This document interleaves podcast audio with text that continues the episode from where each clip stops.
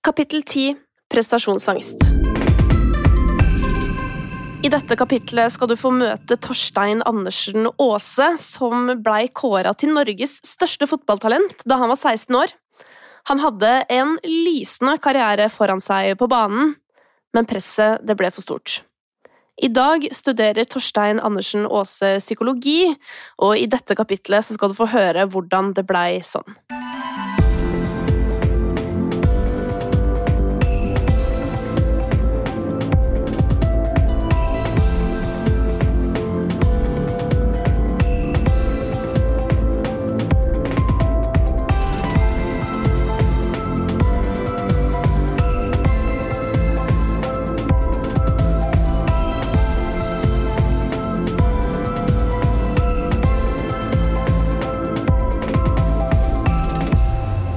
Dette kapitlet så skal vi snakke med Torstein Andersen Aase, som er 26 år gammel fra Oslo, studerer psykologi. Hjertelig velkommen til deg, Torstein. Tusen takk.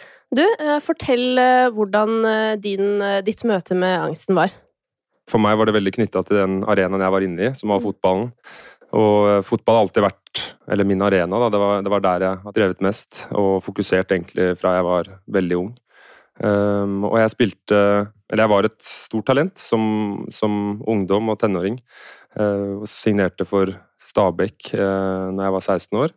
Og ble også kåret til årets største fotballtalent. Og veldig mange sånne ting da, som var uh, ytre Det er jo fokus. Som, ja, altså det der med å bli kåret til liksom, Norges Mm. største fotballtalent, da får du jo alle øynene på deg. Mm. Fotball er jo en av sportene dette landet er mest opptatt av. Absolutt. absolutt. Det var, det var mye fokus på det, mye gøy også. Men jeg husker allerede da jeg var 14 år, så spilte vi en Nike Cup i Valhall. Uh, Og da hadde jeg mageknip før og etter kamp allerede da, som 14-åring. Så det var et veldig sånn trøkk, da. Og mye media. Det var eh, utenlandske Det var italienske herrer oppe på Nordstrand som satt på, så på kamp uh, i sånne frakker og skulle se, se meg spille da når jeg var 15, 14-15-16 år.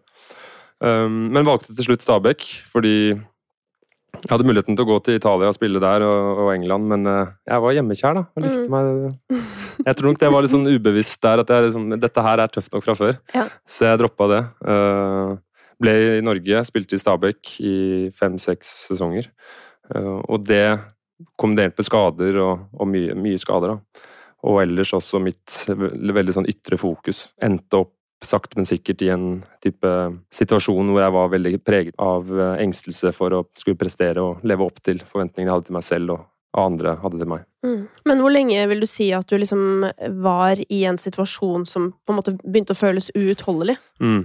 Det er et godt spørsmål. Altså, ting skjer jo ikke over natta. Det som er interessant også, at uh, nesten helt fram til den siste kampen jeg spilte, så, så uh, tenkte jeg at dette kanskje kunne gå bort eller gå over eller et eller annet sånt. Og så bare kom det over meg at nei, det, det, jeg må, må ta et valg da, Mm. uh, som endrer den situasjonen jeg er i. Mm. Men jeg vil si at uh, det var rimelig ille i et, et år, et og et halvt år. Mm. Uh, Men så prøvde du å få hjelp med jeg gikk i behandling Angsten, og, ja. mens jeg spilte. Og det var så knytta til den arenaen. Mm. Og liksom, hvis du tenker på angst, så er- snakker man jo liksom litt sånn eksponering og sånne ting. mm. Som jo vil si å utsette seg for det man har angst for, og det vil jo i mange tilfeller være riktig, men det er derfor Mm. jeg syns din historie er så interessant. Mm, Fordi det kan jo hende innimellom at man faktisk må ta grep mm. for å endre hvordan man lever. Det er et veldig godt poeng, og det er det, det er det jeg har prøvd å tenke på også. Hvordan skulle jeg gått inn i dette og prøvd å um, eksponere meg for dette på en eller annen måte? Og jeg Mm. tror det blir vanskelig. For det første så er det liksom Det er ikke sånn at du kan ta 50% kamp. Eh, det er liksom null eller 100, liksom. Enten Mm. så er du med eller ikke. Det Du kan ikke velge om det er publikum der, Nei, liksom. for eksempel. Det kan vi be halvparten møte opp. Det, det funker ikke, da. Eh, og eksponeringen er jo kanskje nettopp problemet. Mm. Så det er veldig sant. Og jeg måtte endre bare situasjonen jeg var i. Hva var hendelsen som på en måte ble vendepunktet for deg? Jeg har hatt eh, flere møter med angsten eh, og litt ulik nivå, da. Men eh, en av de største opplevelsene var kanskje egentlig den dagen jeg sluttet. Under en kamp eh, mot Asker på Føyka, i Asker sentrum, hvor jeg mm, spilte nøyaktig 33 minutter. Eh, og i løpet av disse 33 minuttene så løp jeg rundt, følte meg litt sånn ute av meg sjæl-opplevelse. Og så holdt det på i 33 minutter. Jeg var litt sånn borte, borte vekk. Det gikk dårlig med kampen nå, for så vidt, men det, det er ikke så viktig. Uh, og så i det 33. minutt så kom det et innlegg fra, fra kanten, og jeg skulle Jeg spiller, spilte spiss og skulle heade, treffe ballen. Og den traff meg på siden av hodet ved tinningen. Um, det er normalt som fotballspiller at ballen treffer der. Det er ikke så farlig. Det var forventa til og med, og jeg så Mm. den komme. Men um, jeg hadde hatt flere Jeg hadde hatt syv-åtte hjernerystelser fra før, så jeg var veldig sånn Det kom en sånn veldig kroppslig reaksjon på det. Mm. Og jeg gikk Kroppen skrudde helt av. Jeg gikk i bakken og lå på siden i en sånn type fosterstilling. Eh, mens jeg lå der, så hadde jeg liksom halve blikket ned i kunstgresset, andre halve opp og rundt på menneskene rundt meg. Og de kom løpende til, og spesielt mine lagkamerater som kjente historien da, Mm. eh, om hjernerystelsene. Og så um, Og i det øyeblikket, mens jeg lå der, så, og lydene begynte å komme inn igjen, og så bare bestemte jeg meg for at jeg aldri skulle spille fotball igjen. Jeg um, kom meg av banen, fysioterapeutene kom, og sånne ting, og så gikk jeg inn i garderoben. eh, ble bytta ut. Og så sa jeg til han fysioen at eh, nå er det slutt. Ferdig. Han bare ja, men la oss, ta en, la oss snakke om dette i morgen, eller så det, Vi kan snakke om det i morgen, men det er ferdig. Men de trodde det var ferdig fordi du hadde fått så mange hjernerystelser. Ja, det Ja. tror jeg nok mange tenkte også. Det, eller det er veldig lett og godt å ha en tydelig årsak Mm. til hvorfor man gjør noe. Uh, og den har stått lenge for mange som kjente meg sånn halvgodt. Så har de alltid tenkt at det var skadene som Og det henger sammen, ikke sant. Du kan ikke skille, men, men uh, for meg så er det tydelig at akkurat det var ikke en hjernerystelse. Mm. Det var uh, en veldig psykologisk, men også kroppslig reaksjon på altfor mye stress over lang tid. Mm. Um, og så satt jeg inne i garderoben der, den ligger rett ved banen. Jeg satt med rygg, eh, veggen inn mot banen, og jeg hørte lydene fra kampen. Og hadde bestemt meg, og det var som om eh, et fjell hadde gått av skuldrene mine. Jeg gikk bort på nærmeste kiosk og kjøpte en sjokomelk. Eh, gikk bak denne kiosken og satte meg på lasterampa i Aske sentrum. Eh, drakk sjokolademelken eh, og ja, var veldig fornøyd med livet. Ja, for hva følte du da når du satt der? Da hadde du jo nettopp hatt et panikkanfall, masse folk over deg, masse lyd og drama. Det var eh, spesielt fordi du føler deg inni deg selv og helt avskjerma fra verden, fordi det no, du har nok med å håndtere det du går gjennom selv. Mm. Uh, og så ser andre igjen at det kanskje bare er en ball i hodet, men, men uh, det ble veldig stille, da. Uh, lite tanker og følelser, bare veldig fornøyd. Og så hadde jeg jo slitt med søvn veldig lenge, et, et år, et og et halvt år. Og jeg så som et barn. Karina, nå har du hørt eh, historien til Torstein. Mm.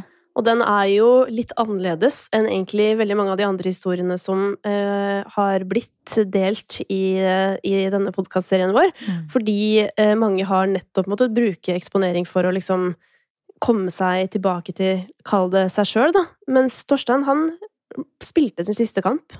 Mm. Og i det 33. minutt så skjønte han at nå, nå er det ferdig. Mm. Hva tenker du om det du hører? Jeg tenker mye. Jeg føler mye. Ja.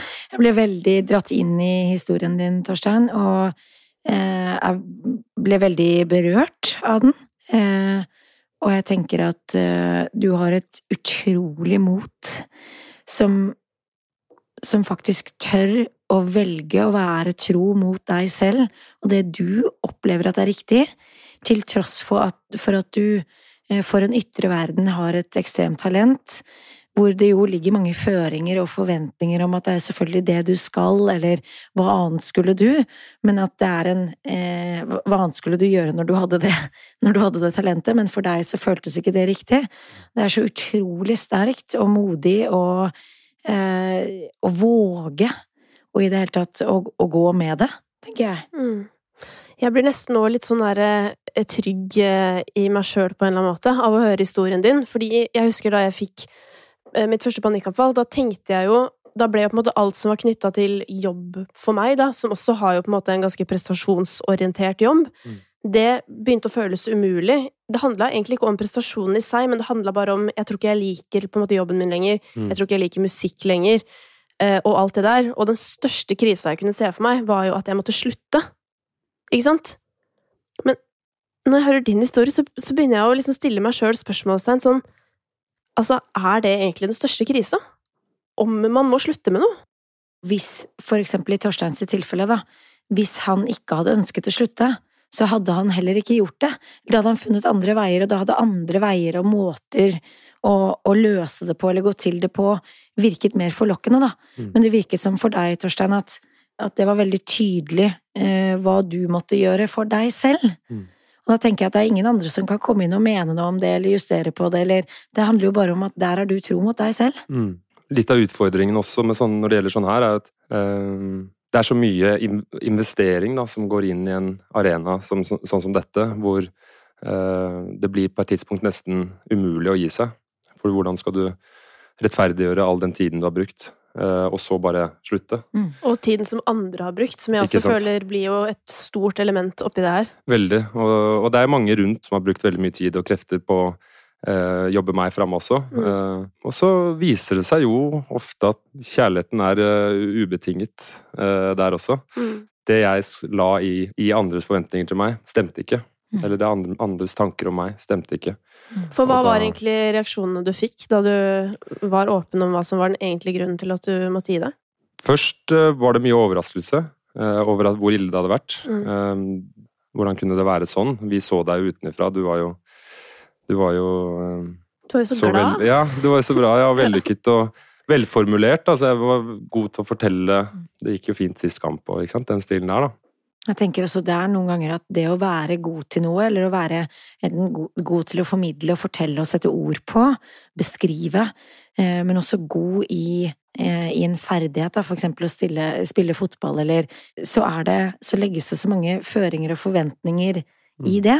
Mm. Men derfor er det så viktig, eh, Torstein, at du kommer med din historie, fordi at der er vi ute og skiller mellom det å prestere og være god i noe og ha et talent, og det å ha det godt. Mm. Mm. Og det er jo viktig å legge til bare her, at Torstein har jo ikke slutta å spille fotball for life. Mm, Han har mm. slutta å spille fotball på et nivå som gjør at han ikke får sove om natten. Ikke sant? Mm. Det. Jeg tenker at du åpner døren for så mange mennesker da, i å våge å gå med når er det jeg har det godt, og ikke hva er det jeg er god til. Mm. Fordi det vi har talent til, eller er gode til, eller presterer bra på, det vil ikke si at det er der vi må være, eller det vi skal gjøre. Mm. Og det, det husker jeg er en veldig tydelig overgang fra meg før og etter denne perioden, er at jeg baserte veldig mye av min egen verdi eller mitt selvbilde på vurderingen til andre. Eller ting jeg ikke har kontroll på. Ofte sammenligning med andre. Har jeg det bedre, dårligere? Er jeg bedre, dårligere enn andre? Og øh, det er vanskelig, da. For selv om du selv gjør det veldig bra, så kan andre gjøre det veldig enda bedre. Eller, eller uh, ha det enda bedre. Og det, det er litt typisk nå, føler jeg, at folk er veldig flinke til å sammenligne seg med andre, men ikke med seg selv. Men jeg føler jo også at sånn i, eh, på idrettsarenaen, da, når man driver med idrett på høyt nivå, sånn som du gjorde, Torstein, så det er sånn jeg ofte tenker på når jeg ser idrettsutøvere, fordi de lever jo veldig i det. Og jeg tenker sånn, hva gjør det egentlig med psyken, da? At, eh, at det på en måte er egentlig 99% av alt du bruker tiden din på. Mm. Da vil jo den, tenker jeg, da i hvert fall variere veldig med hvordan du presterer. Jeg er veldig opptatt av det der, og det handler, for meg så handler det om balanse i livet, da, fordi jeg tror at eh, for meg så ble jeg veldig den smale vei. Eh, tynn og høy. Nå så har jeg mange arenaer som jeg spiller på. Sånn at går det dårlig på en arena, så kan jeg flytte fokus et annet sted, tenke på det. Så du har et mye mer sånn et arsenal av ulik eh, ballast du kan bruke da, til å håndtere motgang, og medgang, ikke minst. Mm. Før så var det liksom én arena som, som ble arenaen jeg kunne tenke på, fordi det var det jeg brukte tid på. Mm. Eh, Men det her er jo 100% overførbart til arbeidslivet på generell basis. Eh, stadig flere ønsker jo også å prestere på jobben, Mm. eh, og man har lyst til å bli best, og man skal jobbe liksom mye, og man skal vise at man jobber mye.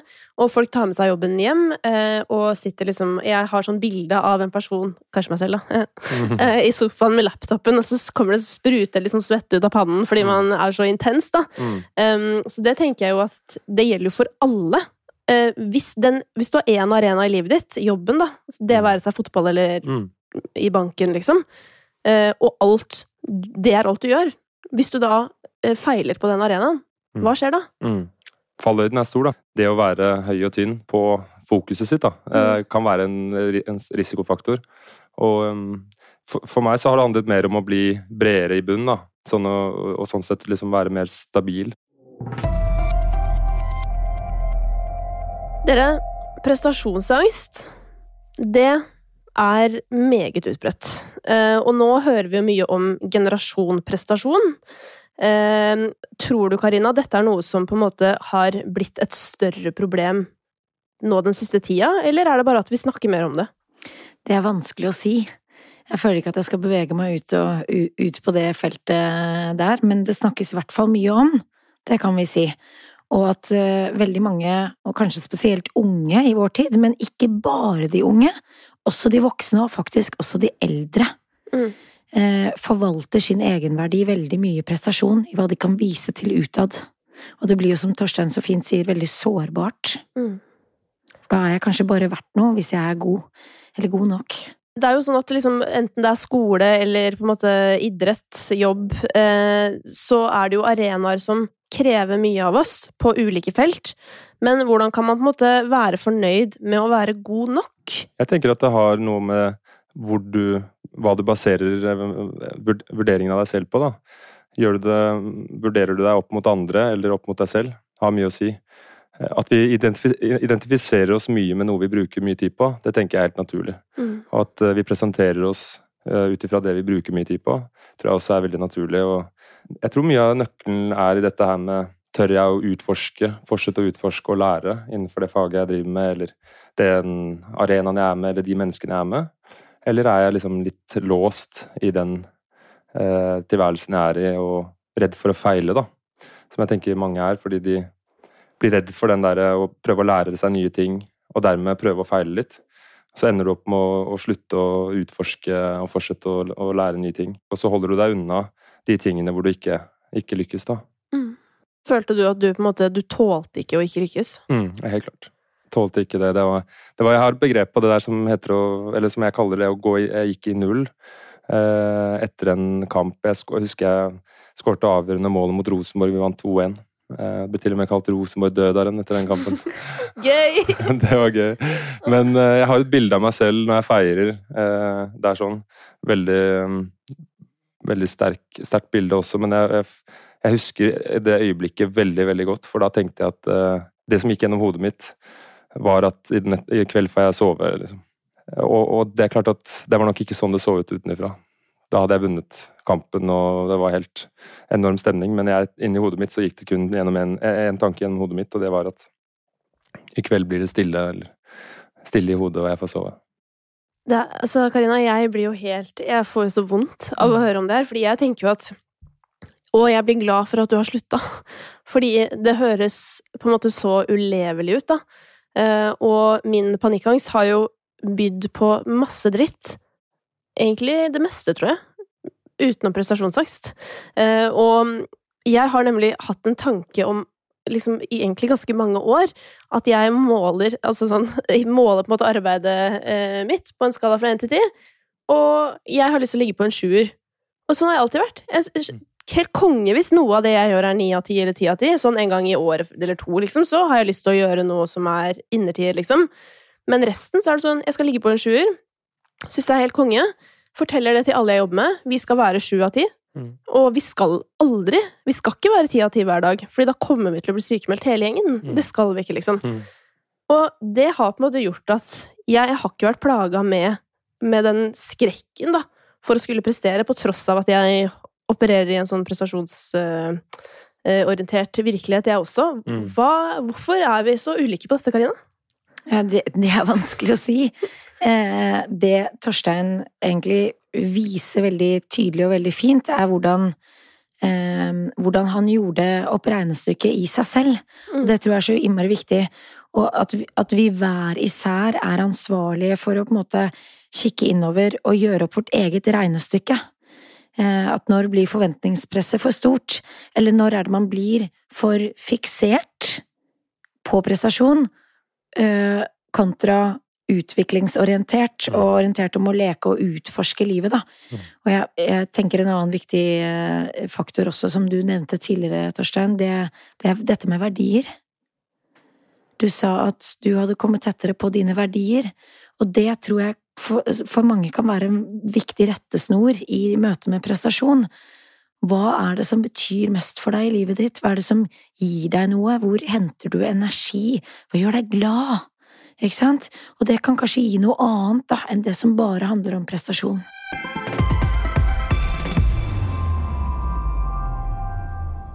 Men i en jobbhverdag, da, så er det jo ganske mange mennesker som eh, må gjøre ting som er sånn typisk tilknyttet prestasjon. Sånn holde foredrag eller andre ting. Mm. Det kjenner jeg på sjøl når jeg må snakke foran folk. Å, gud a meg. Jeg gjør jo det hver dag på jobben foran dritmange, egentlig, men jeg Mm. ser det ikke.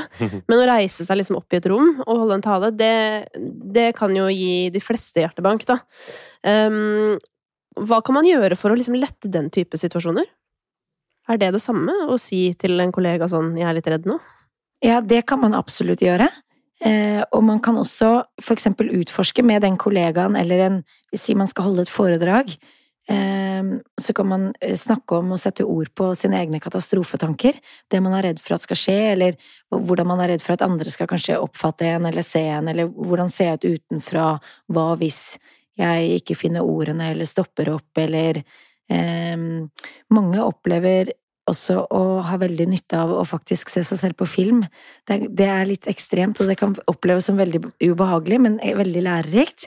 Og man blir også konfrontert med noen av sine egne katastrofetanker, som kanskje kan vise seg å ikke være riktige. En annen ting er å øve seg på å slappe av. Mange har nytte av avspenningsøvelser eller, eller meditasjon. Eh, senke kravene til seg selv, som du så fint sier, syv av ti, for eksempel, eller at man fokuserer på ett mål eller noe som er et eget prosjekt, da. Mm. Man har en, eh, et eget prosjekt i det å skulle holde foredrag, for eksempel. Mm. Det man ønsker å fokusere på det man ønsker å formidle. Det er mange konkrete tiltak man kan gjøre. Og så finnes det faktisk eh, prestasjonsangstkurs og kurs i presentasjonsteknikk. Mm. Og veldig mange benytter seg av det. Og det er også noe normaliserende i det. Mm. Ja, for du er ikke aleine, for å si det mildt. Nettopp, nettopp. Men akkurat der har jeg lyst til å dele noe du har eh, vært veldig forkjemper for i tidligere kapitler, eh, Karina.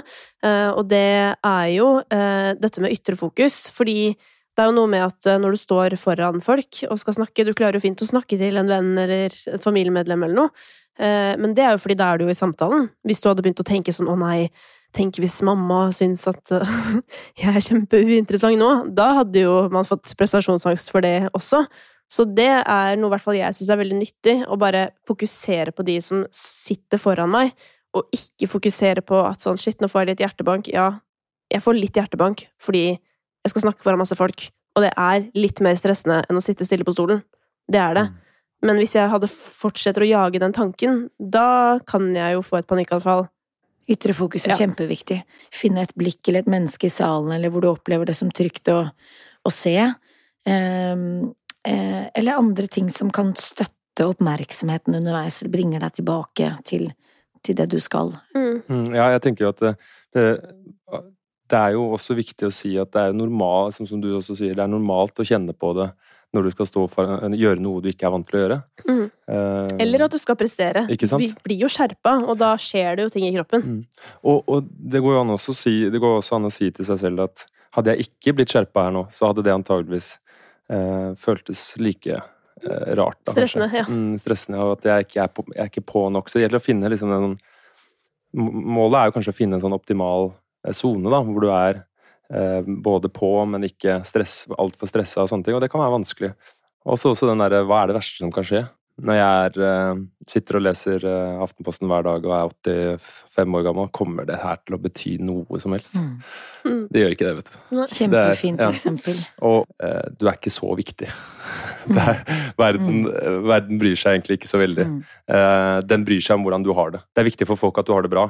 Det er ikke viktig for folk at du er best. Kjempeviktig perspektiv. Og jeg tenkte, men jeg tenkte også på dette her med å, å være litt utforskende og hva, hvordan jeg løser det. Jeg hadde holdt et foredrag for noen dager siden og det var litt sånn dårlig pjusk. Manflu, som det heter så fint. Jeg var ikke helt i jeg var ikke helt i 100, da, eh, men skulle holde for Det var 400 mennesker der. Jeg følte at jeg var veldig knytt, jeg var veldig bundet til det manuset jeg hadde hatt, og, og fikk liksom ikke helt flyten. Og jeg kjente at kroppen begynte å, å spenne seg, begynte å bli litt sånn derre Jeg fikk liksom metaperspektiv på meg selv. Oi, her står du og, og liksom dummer deg ut, eller Tenkte ok, nå, nå skal vi se. Nå må jeg gjøre noe som, som kan liksom sjokke meg litt ut av den her, da. Mm. Så da bestemte jeg meg for å bare kaste manus, da. Og, og det, det slapp veldig. Mm. Jeg fikk kroppen med i det. Kroppen fikk ut noe av den spenningen som bygger seg opp også. Så jeg gjorde noe jeg ikke aldri har gjort før, og det var en veldig sånn god opplevelse. Å bare prøve å, å si at ja, jeg merker at du er spent og du egentlig har lyst til å dra herfra, men da, da gjør vi det motsatte. Da gjør vi akkurat det du ikke har lyst til å gjøre, og det er å gå off script. Men det her er interessant, for det er sånn helt sikkert eh, det, det er på en måte det siste man tenker når man har prestasjonsangst. Sånn derre Mm. La oss gå utenfor manus, dere. Fordi det, det kommer jo nederst på listen over løsninger. Og det var nederst på listen for meg, og det var nettopp derfor jeg tenkte at hvor er ned, la oss snu den listen rett opp ned, og så går vi for bunnen. Interessant. At det er, Veldig, veldig, veldig modig. Jeg opplever at du har et sånn veldig sånn lekent eh, en leken tilgang til livet. Og du snakker om nysgjerrighet. Jeg syns det er så fint. Og hvordan vi på en måte kan se på livet som en arena hvor vi skal utforske og erfare og oppdage, heller enn at vi skal alltid levere. Absolutt. men jeg er jo, ja, dette her er jo en av mine kjepphester da, som jeg tar mye opp. Det er jo nemlig det her med at eh, at man må bli, på en måte, kall det syk, da. Eller at man må få en, et mentalt problem før man liksom skal komme til sånne ting. Da. Så det er jo det jeg tenker at sånn til alle der ute som ikke har angst, da.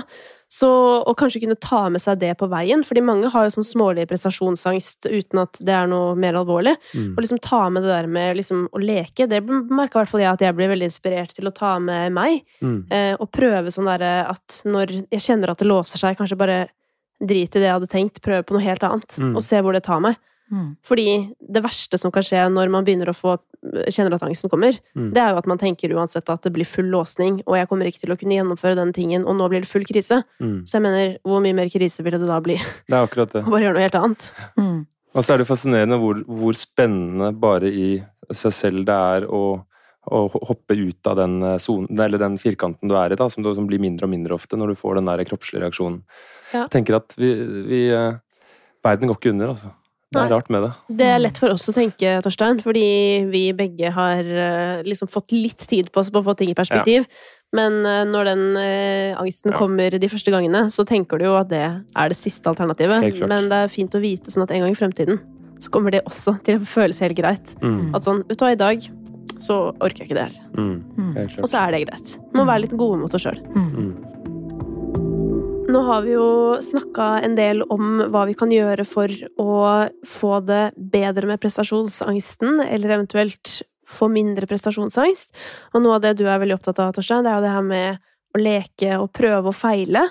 eh, Og gå kanskje utenfor komfortsonen for å finne ut hvem man er. Men sånn som du, da, som var ung og holdt på eh, i profesjonell konkurranseidrett, da er det jo ikke så veldig mye rom for å feile. Mm.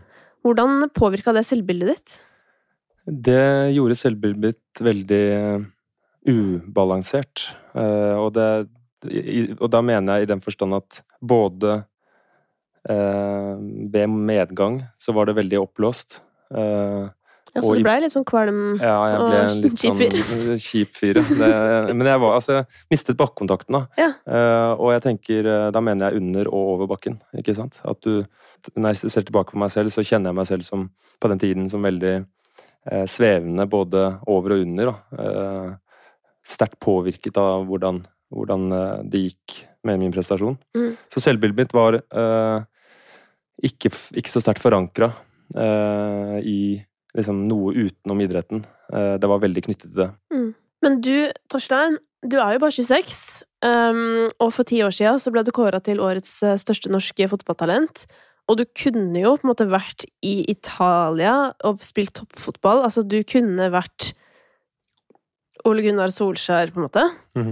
Lever du godt med at det ikke blei sånn i dag? Jeg lever veldig godt med det. Jeg, er, eh, jeg liker veldig godt hverdagen, jeg. jeg liker at det er eh, Det er liksom en, en av mine verdier. Jeg liker at det er stille og rolig, og, og ikke så mye fokus på meg. Eh, ikke fordi jeg ikke liker det, jeg liker å prate foran mange mennesker òg, innimellom. Mm. Men eh, jeg liker det, det vanlige. Det skaper spesielle øyeblikk i, i hverdagen istedenfor uh, foran veldig mange mennesker. Eh, jeg har spilt foran 70 000 i Valencia i Spania. Eh, ja, det er, eh, det er andre ting som betyr mye mer for meg, da. Mm. Så det, det koster meg ikke en kalori å eh, tenke på Jeg har gode venner som spiller profesjonelt i utlandet og i Norge, og, og hver gang jeg besøker de eller snakker med de, så tenker jeg takk Gud for at jeg ikke er der. Mm. Og det tror jeg for mange kan være liksom vanskelig å nesten sånn tro på. Mm. Men jeg kan kjenne meg så godt igjen i det samme, for det er et eller annet med at Selv om det er helt forskjellig, men et eller annet med at når man er i noe da, som oppleves som veldig stort, for Mm. eksempel da, fotball for din del, da, så er det liksom Alt liksom ligger til rette for at man bare skal kjøre på, og man skal bli stjerne og alt det der. Mm. Men når du liksom kjenner inn deg sånn Jeg har lyst til å koke kaffe på mitt eget kjøkken. Jeg Mm. har ikke lyst til å bo i en leilighet i Italia og ikke kjenne noen, liksom. Mm. Men det er jo veldig fort å bli revet med når man er i det. Mm. Fordi alt virker så perfekt og kult, og, Mm. og liksom tenk alle skal se på meg, og tenk at jeg er liksom Ikke sant? Det er guttedrømmen da, å bli fotballstjerne, ikke sant? Og det var det for meg også. Men det var nok ikke min Det var ikke mitt sted, eh, sted å skinne.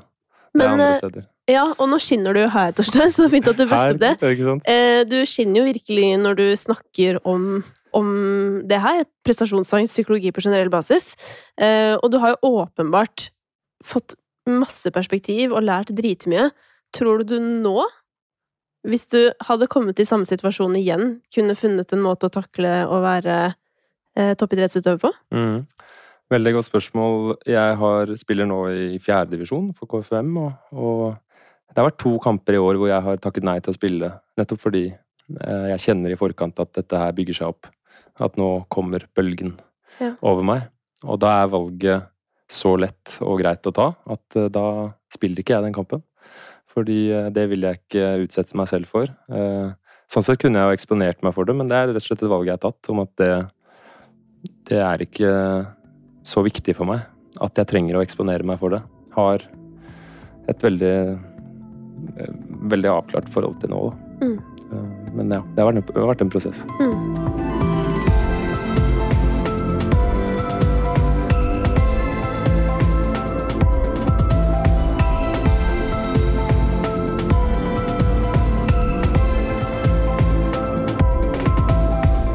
Dersom du har spørsmål eller har lyst på mer info om denne podkastserien, så kan du gå til noiapodkast.no.